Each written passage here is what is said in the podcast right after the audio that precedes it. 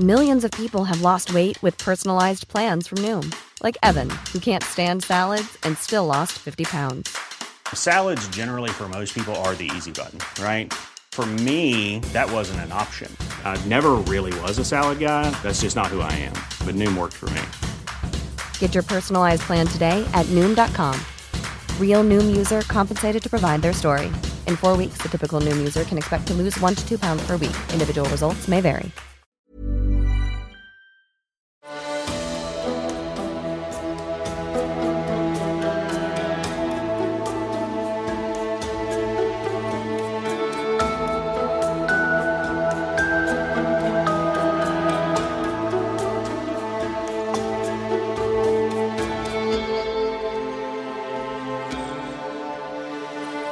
Velkommen til Seriemorderpodden, podkasten dedikert til seriemordere.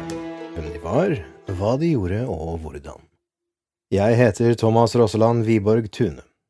I kveld fortsetter vi reisen inn i den gylne æraen for seriemord, 1970-tallet, og Englands mest beryktede seriemorder foruten Jack the Ripper. Sagaen om Peter Sutcliffe, alias The Yorkshire Ripper, fortsetter.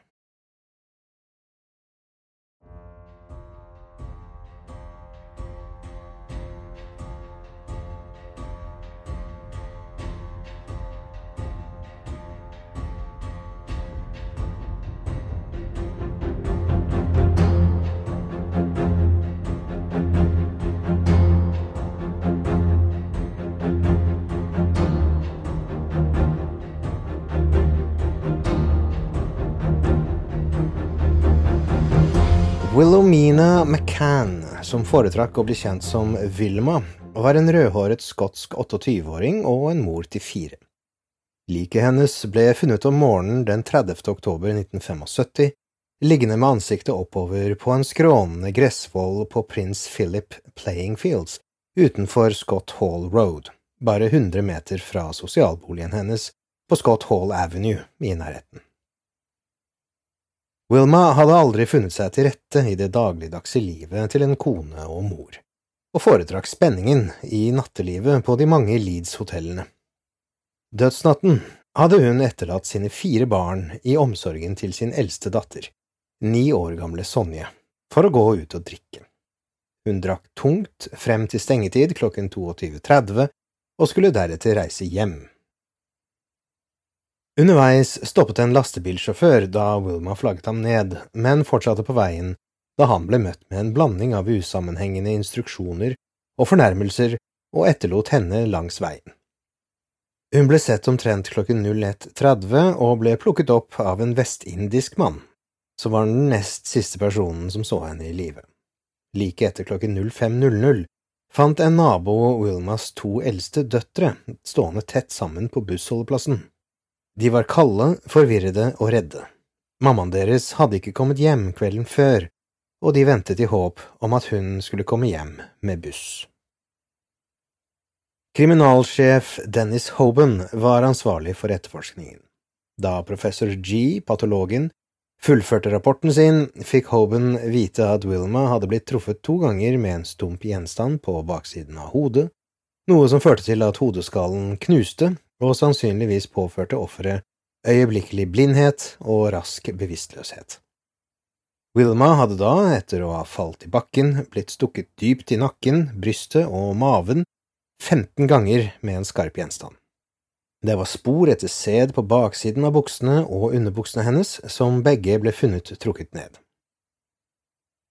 Da rettsmedisinerens dom om drap av person eller persons ukjente var avsagt, hadde de 150 politibetjentene som Hoban hadde jobbende med saken, intervjuet 7000 innbyggere og 6000 lastebilsjåfører. De hadde tatt hundrevis av uttalelser fra hvem som helst med selv den fjerneste forbindelse til Wilma. Hver og en nøye sjekket, men likevel hadde de ikke engang vært i nærheten av å finne morderen hennes. 42 år gamle Emily Monica Jackson bodde sammen med mannen sin og tre barn i Back Green, Cherwell, i utkanten av Morley, west for Leeds. Jackson-familien hadde hatt økonomiske problemer i noe tid, da Emily bestemte seg for å begynne å ta penger for seksuelle tjenester. Sammen kjørte Emily og mannen Sydney sin blå Kommer varebil til Leeds, hvor Sydney ventet på kona i en av barene, mens Emily brukte varebilen for å tjene de ekstra pengene de trengte. Natt til tirsdag den 20. januar 1976 parkerte de varebilen sin på parkeringsplassen til Gaiety-baren og gikk inn. De tok en drink sammen, så dro Emily for å se hvem hun kunne finne utenfor. Sydney skulle vente i baren til hun kom tilbake ved stengetid. Da hun ikke var der for å møte ham, tok han en taxi hjem og forventet at hun skulle følge etter i varebilen kort tid etter.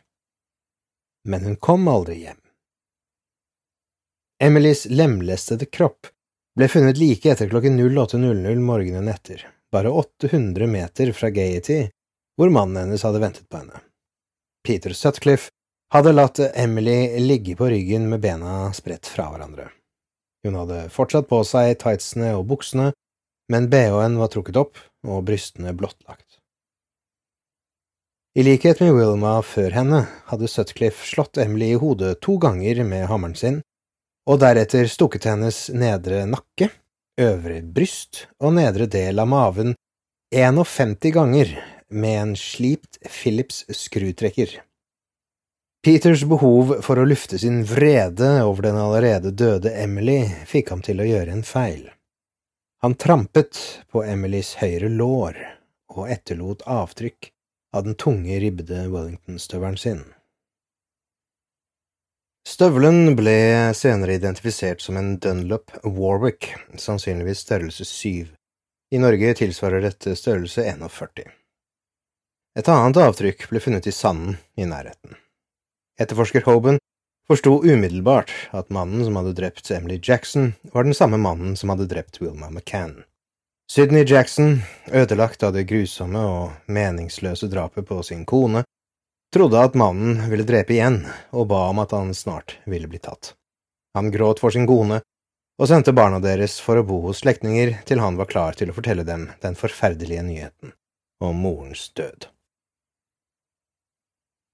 Den 5. mars 1976 ble Peter Sutcliffe sparket fra jobben i dekkfirmaet. Selv om han hadde vært en god arbeider, kom Peter Sutcliffe stadig for sent på jobb. Hans sene nattbesøk i Red Light-distriktene i Yorkshire gjorde det vanskelig for ham å stå opp tidlig nok til å gå på jobb. På grunn av begrenset erfaring ville det ta ham mange måneder med avvisning og frustrasjon før han igjen kunne finne arbeid som lastebilsjåfør. I samme måned mottok George Oldfield, assisterende sjefskonstabel ved West Yorkshire politihovedkvarter i Wakefield, det første i en serie med brev fra en person som hevdet å være Yorkshire Ripper. Til sammen fikk han tre brev og ett båndopptak som politiet endte opp med å bruke mye energi på. Imidlertid ble det bevist i 2006 at alle disse brevene og båndet var en bløff, utført av en mann ved navn John Samuel Humble. Brevene fikk politiet til å rette oppmerksomheten mot feil mistenkte og feil bevis. Dette beseilet skjebnen til flere ofre for den virkelige Yorkshire Ripper.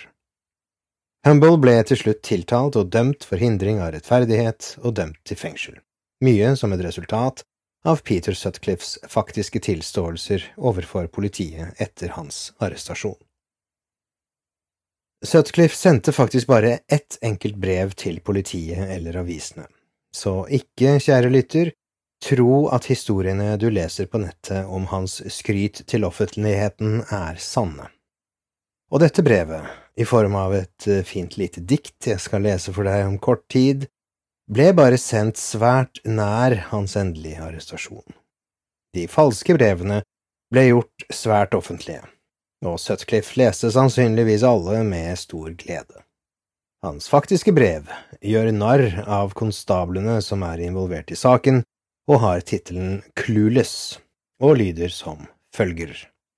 Merk, dette er min oversettelse av et engelsk dikt, så eventuell syntaks, rim og rytme vil være tapt i oversettelsen. Jeg siterer. Stakkars gamle Oldfield, jobbet i en coldfield. Hobson har ikke noe valg, villedet av en stemme, flukt fra kjedsomhet vekker raseri. Bradford var ikke meg, men bare vent og se. Sheffield vil ikke bli savnet. Neste på listen Gatedanseren. Sitat slutt. Brevet var signert enkelt med initialene TS. Så, skjermet av falske spor og en tilsynelatende inkompetent politietterforskning, er vi så vitne til når Marcella Claxton, en 20 år gammel prostituert, gikk hjem fra et drikkeselskap holdt av venner i Chapeltown rundt klokken 04.00 om morgenen den 9. mai 1976. En stor, hvit bil stoppet ved siden av henne. Hun jobbet ikke den kvelden, men hun ba sjåføren om skyss. I stedet for å kjøre henne hjem, kjørte han henne til Soldiers Field, like ved Roundhay Road. Sutcliffe, som var sjåføren, tilbød Marcella fem pund for å gå ut av bilen og kle av seg for sex på gresset, men hun avslo tilbudet. Da de begge gikk ut av bilen, hørte Marcella et dunk da noe Sutcliffe hadde mistet, traff bakken. Han fortalte henne at det var lommeboken hans. Marcella gikk deretter bak et tre for å urinere. Sutcliffe gikk mot henne, og det neste hun kjente, var slaget fra Sutcliffes hammer da han brakte den ned på bakhodet hennes. Så kjente hun det andre slaget. Hun kollapset ned på gresset og så på blodet på hånden der hun hadde tatt seg til hodet. Sutcliffe sto i nærheten. Hun husket tydelig at håret og skjegget hans var svart og krøllete, og at han onanerte mens han så på henne blødende på bakken. Han gikk tilbake til den hvite bilen med det røde trekket for å hente servietter til å tørke seg med. Da han var ferdig med å masturbere, kastet han serviettene på bakken og la en fempundseddel i Marcellas hånd og advarte henne om å ikke ringe politiet, så satte han seg inn i bilen sin igjen. Marcella, klærne hennes nå fullstendig dekket av blod, klarte å halvt gå halvt krype til en telefonboks i nærheten hvor hun ringte etter ambulansen. Mens hun satt på gulvet i telefonboksen og ventet på hjelp, så hun Sutcliffe kjøre forbi mange ganger på jakt etter henne, sannsynligvis for å fullføre jobben og kvitte seg med et viktig vitne. Det store, åpne såret i bakhodet hennes krevde 52 sting og et syv dager langt sykehusopphold. I flere måneder etter angrepet hatet hun menn, og var knapt i stand til å være i samme rom som dem. Selv fem år etter angrepet kom hun fortsatt til å være plaget av depresjon og svimmelhet, og hun kunne ikke klare å holde på en jobb. Fødselen til sønnen Adrian falt sammen med Peter Sutcliffes arrestasjon i 1981, men ingen av disse hendelsene kunne komme til å lindre smerten hun hadde følt siden angrepet. Angrepene til Yorkshire Ripper var nå hovedemne for samtalene blant prostituerte og kundene til de mange pubene i Leeds-området. Med lite informasjon i avisene om drapsdetaljer fant offentligheten snart på sine egne grufulle detaljer, som raskt tok form som de beryktede forbrytelsene til Jack the Ripper på slutten av 1800-tallet i London. Prostituerte, i et forsøk på å beskytte seg selv, ble sett jobbe i grupper, og de gjorde det veldig klart for klientene sine at detaljene om bilen deres og nummerskilt ble registrert. Økt politiaktivitet i området satte ytterligere press på det allerede anstrengte forholdet mellom de prostituerte og lovens konstabler, og skapte en formidabel barriere for politietterforskningen. Det faktum at angrepene på Anna Rogulski og Olive Smelt ennå ikke hadde vært knyttet til de andre Yorkshire-Ripper-drapene, resulterte i en likegyldighet i den generelle befolkningen som kom til uttrykk som at prostituerte på en eller annen måte fortjente Yorkshire-Ripperens straffer. Sommeren 1976 forfremmet George Oldfield Dennis Hoban til stillingen som nestleder for Force CID. Dog han var beæret over tilliten vist til ham ved utnevnelsen, var han skuffet over at han måtte forlate Leeds for å jobbe fra West Yorkshire Police sitt hovedkvarter i Wakefield. Og han var heller ikke glad for å være skrivebord fast i sin nye stilling. Etterforskningssjef, superintendent Jim Hobson, erstattet Hobben. I oktober 1976 kom Peter Sutcliffe hjem til sin kone med den gode nyheten om at han endelig hadde fått jobb som lastebilsjåfør. Han jobbet nå med T&WH Clark Holdings Limited på Canal Road Industrial Estate mellom Shipley og Bradford. Det skulle gå fem måneder før Sutcliffe skulle drepe igjen.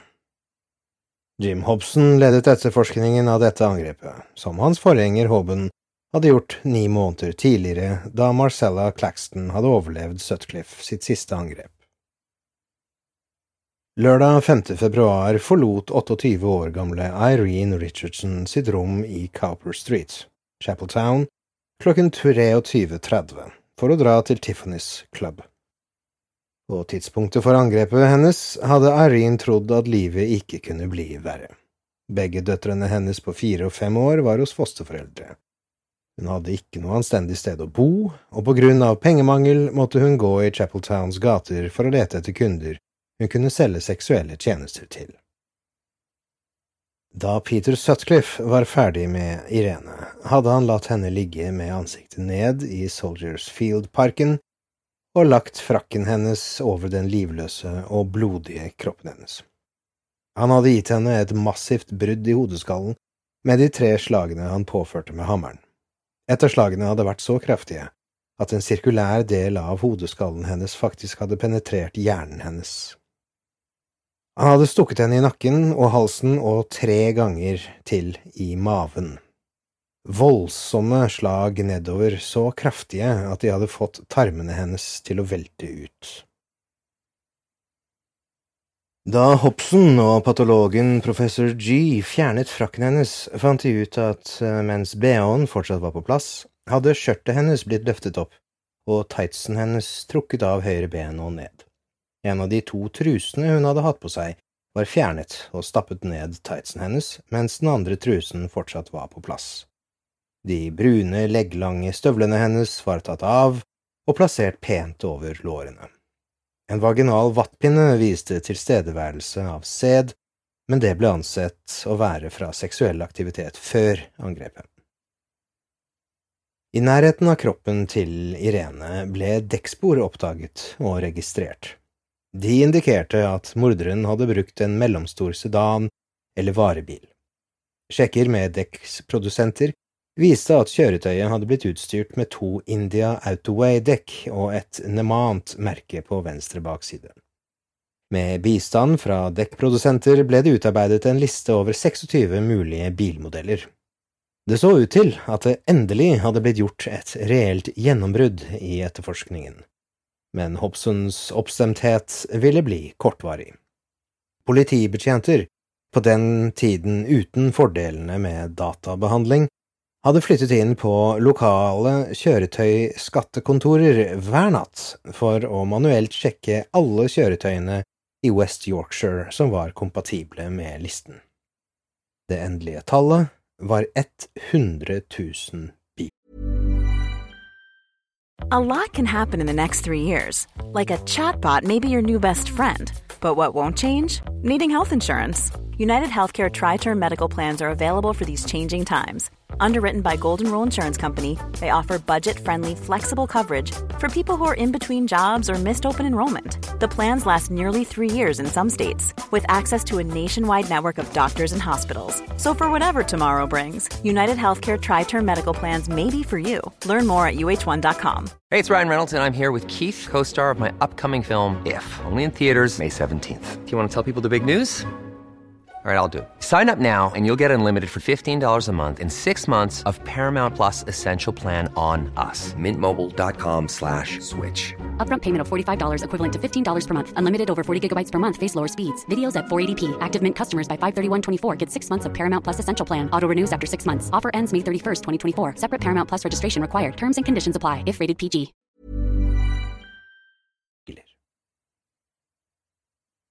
Patricia Atkinson bodde alene etter skilsmissen fra den asiatiske innvandrerarbeideren Ray Mitra. Etter fødselen av deres tre døtre, Judy, Jill og Lisa, fant Ray ut at ekteskapet hans med sin egensindige vestlige kone var mer enn han kunne takle.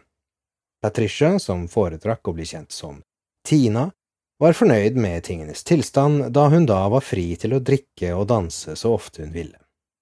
Hun arbeidet som prostituert fra sin lille leilighet på Oak Avenue nummer ni i Bradford, hvor hun følte seg trygg på trusselen fra The Ripper, som drepte kvinnene sine utendørs. Hun var slank med mørkt hår og alltid stilig antrukket, og manglet aldri mannlig selskap. Lørdag 23. april ble hun sett av vaktmesteren i bygningen hun bodde i, og forlot leiligheten sin på vei til de travle pubene i horestrøket hvor hun var kjent for sitt store alkoholkonsum. Hun ble sett på en rekke av pubene den kvelden, og klokken elleve hadde flere kvinner som jobbet på gaten sett henne gå på vei mot Church Street. Det var like etter dette at Peter Sutcliffe hadde møtt den nå godt berusede Tina. Sammen gikk de til bilen hans og kjørte deretter tilbake til leiligheten hennes. Da de kom inn gjennom inngangsdøren hennes, slo Sutcliffe bakhodet hennes med den samme kulehammeren som han hadde brukt på alle sine tidligere ofre. Før den bevisstløse kroppen hennes traff gulvet, slo Peter Sutcliffe henne tre ganger til. mens blodet rant i strie strømmer fra sårene hennes, begynte Sutcliffe å ta av frakken hennes. Deretter løftet han henne og bar henne til soverommet og kastet henne ned på sengen. Der rev han opp den svarte skinnjakken hennes og den blå skjorten hennes. Han dro opp bh-en hennes for å blottlegge brystene hennes, og dro deretter jeansen hennes ned til anklene. Med en meisel han hadde tatt ut av lommen, begynte han å stikke i Tinas blottede mave. Han snudde henne og stakk henne i ryggen, men meiselen hadde ikke trengt gjennom huden der. Så snudde han henne raskt igjen for å stikke i maven hennes igjen og etterlot seg totalt seks stikkskader. Før han forlot henne, hadde Sutcliffe trukket jeansen hennes opp igjen, og uten å være klar over det, la han igjen et størrelse syv Dunlop Warwick støvelavtrykk på det nederste lakenet. Mens Sutcliffe sine aktiviteter som den beryktede Yorkshire Ripper fortsatte å eskalere, nærmet kona Sonja seg slutten av lærerutdanningen.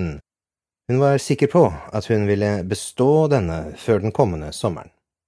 Med utsiktene til en økning i inntekten begynte Sutcliffe og Sonja å se håp om oppfyllelsen av drømmen deres om å kjøpe sitt eget hjem. Det skulle ikke ta lang tid før Sonja fant drømmehuset. Nummer seks Garden Lane, Bradford. Sutcliffe var ikke så sikker på at det var drømmehjemmet hans da Sonja fortalte ham at prisantydningen var på over 15 000 pund. Det var mye penger den gangen, og det var ingen garanti for at Sonja ville få jobb med en gang etter sommerferien. Men han gikk med på i det minste ta en titt på det. De dro på visning en lørdag. 25. juni 1977 Samme natt dro Sutcliffe til Chapeltown, tilsynelatende for en dram. Jane MacDonald gikk også ut den lørdagskvelden. Jane var 16 år gammel og hadde nylig startet sin første jobb i skoavdelingen til et lokalt supermarked. Hun skulle ut og danse og var glad. Hun kysset faren farvel før hun forlot hjemmet deres i Reginald Terrace, Chapeltown, for en siste gang. Etter dansen hadde Jane dratt med venner for å kjøpe fish and chips i sentrum. Mens hun pratet i vei med vennene sine, gikk den siste bussen hjem uten henne. Klokken 23.50 begynte hun å gå hjem med Mark Jones, en ung gutt hun hadde møtt tidligere den kvelden. Han skulle organisere skyss hjem til henne ved hjelp av søsteren, men søsteren var ikke hjemme da de kom frem. Jane og Mark fortsatte å gå sammen, stoppet for et kort kyss og litt kos, før de fortsatte så langt som Florence Nightingale Public House. Klokken var da halv tre da de gikk hver til sitt. Ved en kiosk nær Dock Green pub, nær hjørnet av Beckett Street, stoppet Jane for å ringe en taxi. Men det var ikke noe svar. Da hun nærmet seg lekeplassen, så hun ikke Peter Sutcliffe, som lurte i skyggene. Han kastet seg over henne da hun gikk forbi. To barn fant den lemlestede kroppen hennes klokken 09.45 søndag den 26. juni nær en vegg inne på lekeplassen der Sutcliffe hadde dratt henne. Hun lå med ansiktet ned, Skjørtet var delvis nedtrukket, og den hvite holterneck-toppen var trukket opp for å blottlegge brystene hennes. Sutcliffe hadde slått henne tre ganger i bakhodet med hammeren sin, og deretter stukket henne gjentatte ganger i brystet og én gang i ryggen. Fra det øyeblikket Wilfred MacDonald, Janes far, ble fortalt om drapet på datteren, av de to uniformerte politibetjentene som hadde kommet på døren hans den søndag morgenen, mistet han viljen til å leve. Han utviklet nervøs astma og klarte ikke å jobbe. I stedet satt han i timevis av gangen og tenkte bare på datteren sin. Det skulle ta to år, men han døde til slutt av et knust hjerte. Rett og slett av sorg. Assisterende sjefskonstabel George Oldfield ble tilkalt like etter at Janes kropp ble funnet. Han skulle nå føre tilsyn med alle undersøkelsene av Yorkshire-ripperdrapene og skulle jobbe i felten sammen med konstablene som allerede var involvert i saken. Avisrapporter dagen etter som sa at en, og her siterer jeg, uskyldig ung kvinne har blitt slaktet, sitat slutt, reflekterte dessverre den underliggende holdningen til politiet og offentligheten om at prostituerte som ble myrdet, ikke var uskyldige. På en eller annen måte skulle de liksom fortjene hvilken som helst straff som ble gitt dem. En avskyelig holdning som dessverre fortsatt er utbredt. Politiet ble oversvømmet med informasjon fra publikum. Folk som en gang bare var interessert i å høre de blodige detaljene om angrepene, følte seg nå personlig fornærmet og truet av mannen de kalte Yorkshire Ripper. Der vitner tidligere var motvillige til å innrømme noen forbindelse med de myrdede prostituerte, ga folk fra området rundt nå frivillig informasjon for å hjelpe politiet i deres forsøk på å fange Janes drapsmann.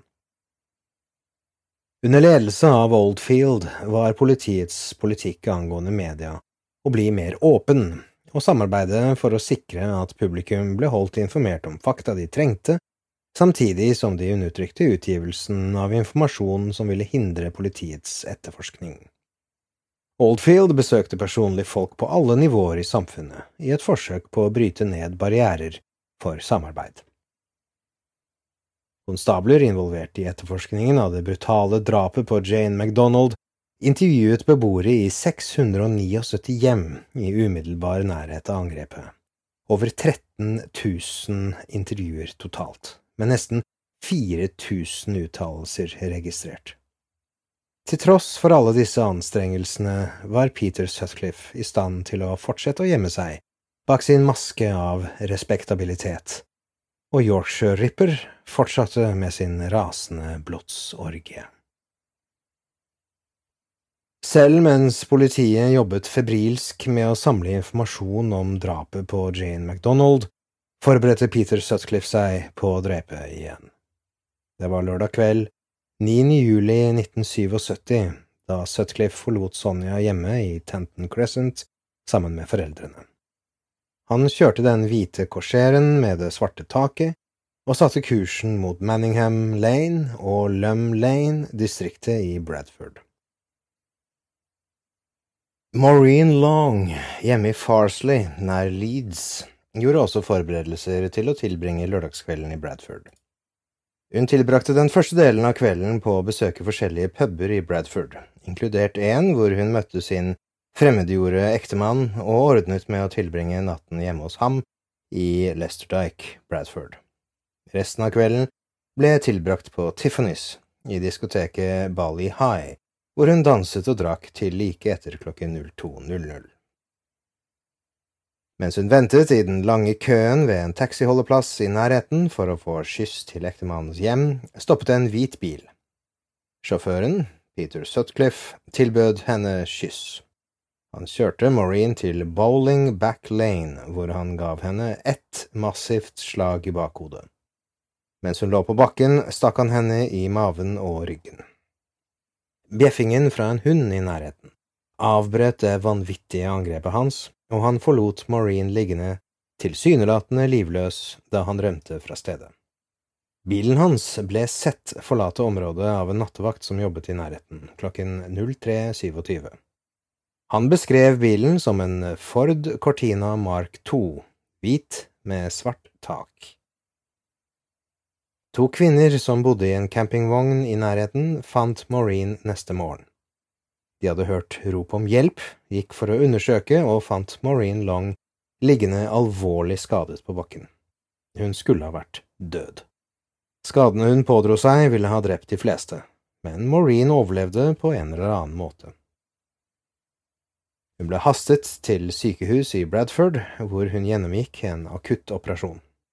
Senere ble hun overført til Leeds for større nevrologisk kirurgi. Oldfield ba leger om en mulighet til å snakke med Maureen før de startet operasjonen. Maureen prøvde hardt å huske så mange detaljer hun kunne. Hun husket at hun forlot Tiffany's og bilen som hadde stoppet for å gi henne kyss. Mannen, så langt hun kunne huske, var hvit, med stor kroppsbygning, rundt 35 med lysebrunt, skulderlangt hår. Han var rundt 180 cm høy, med oppblåste skinn og store hender. Hun var ikke sikker på farven på bilen, den var hvit eller gul eller blå.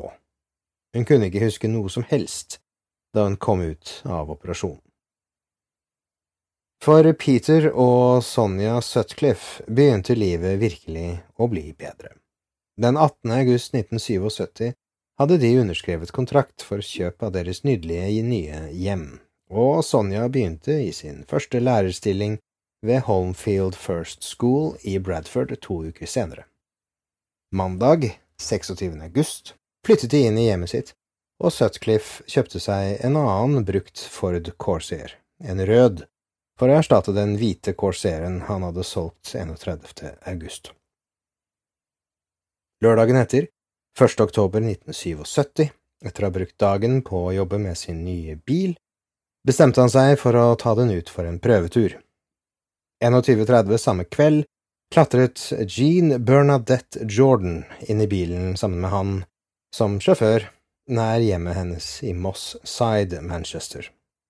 Jean, født i Skottland, hadde flyttet til Manchester etter å ha rømt hjemmefra i en alder av 16. Hun hadde møtt Alan Royal på ankomstdagen og flyttet inn hos ham. To år senere fikk de sitt første barn, også kalt Alan. To år etter det ble deres andre sønn, James, født. Selv om de fortsatt bodde sammen da hun ble myrdet, var de gjensidig enige om å leve separate liv. Tidligere på kvelden den 1. oktober, da Jean skjenket Alan et glass limonade, fortalte han henne at han hadde tenkt å gå ut for kvelden. Han lot henne se på TV, men hun var borte da han kom tilbake senere på kvelden. Han antok at hun hadde bestemt seg for å gå ut med venninnene sine. I stedet hadde hun tatt Peter Sutcliffe til den sydlige kirkegården, hvor hun skulle ha seksuell omgang med ham for fem pund. Før hun gikk ut av bilen, la hun fempundseddelen i et skjult rom i vesken sin. Vel ute av bilen brukte Sutcliffe hammeren sin til å slå Jean i hodet totalt 13 ganger. Deretter gjemte han kroppen hennes i underskog nær gjerdet til kirkegården. Sutcliffe, som da hadde kommet seg etter utbruddet av vanvittig sinne, kjørte rolig hjem til Sonja og hans nye hus, og ventet spent på overskriftene som skulle kunngjøre hans gjerning til verden. Da han og Sonja planla innflytningsfesten som skulle holdes søndag kveld, begynte Sutcliffe å bekymre seg for fempundseddelen han hadde gitt til Jean. Det var en helt ny seddel, og det kunne være mulig å spore den tilbake til ham. Søndag 9. oktober hadde det fortsatt ikke stått noe om funnet av Jeans kropp i avisene. Om han i det hele tatt var plaget av hendelsene i uken før, kunne ikke festgjestene hans si noe om. Det var nesten midnatt da Sutcliffe tilbød seg å ta med noen av slektningene sine hjem i den røde korseren, mens Sonja gikk og la seg. Etter å ha kjørt gjestene sine hjem dro ikke Sutcliffe umiddelbart tilbake til Garden Lane. I stedet kjørte han til den sydlige kirkegården nok en gang. Han fant kroppen til Jean akkurat slik han hadde forlatt den, men vesken hennes var borte. Da han søkte i området, ble han panisk over utsiktene til at politiet skulle finne fempundseddelen. Da hans frustrasjon og raseri var på topp, dro han den livløse og allerede råtnende kroppen vekk fra skjulestedet. Han rev Jeans klær fra kroppen hennes og stakk henne deretter igjen og igjen. Atten ganger stakk han i brystene, brystet, maven og skjeden hennes. Det var voldsomme kutt, rundt åtte tommer dype. Det ene strakte seg fra venstre skulder ned til høyre kne. Da raseriet la seg, tenkte han igjen på fempundseddelen og forsøkte så å kutte hodet til Jean av. Hensikten hans var å avlede politiets oppmerksomhet ved å kaste hodet hennes et annet sted. Da han innså at det var en umulig oppgave med verktøyene han hadde, gav han opp og dro hjem. Det hadde ikke falt Alan inn å melde Jean som savnet. Hun hadde ofte nettopp reist hjemmefra uten varsel for å besøke slektninger i Skottland så han antok at det var det samme denne gangen, og at Jean ville dukke opp når det passet henne. Det var ikke før han leste rapporten i avisen kvelden den 10. oktober at han ble bekymret. Rapporten beskrev den unge kvinnen, som ble funnet av en nabo ved middagstid, til å ha skulderlangt, kastanjebrunt hår og listet opp noen av klærne som ble funnet. Det rapporten ikke sa, var at hodet hennes var ugjenkjennelig. Det hadde blitt flatet ut med alvorlighetsgraden av de mange slagene hun hadde fått.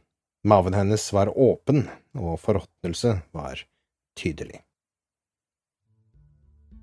Og med det, kjære lytter, kommer vi til slutten av del to i sagaen om Peter Sutcliffe, The Yorkshire Ripper. Jeg håper du har satt pris på vår lille tid sammen i kveld, og i neste episode fortsetter vi sagaen om Peter Sutcliffe. Så som de sier i Radioland, følg med.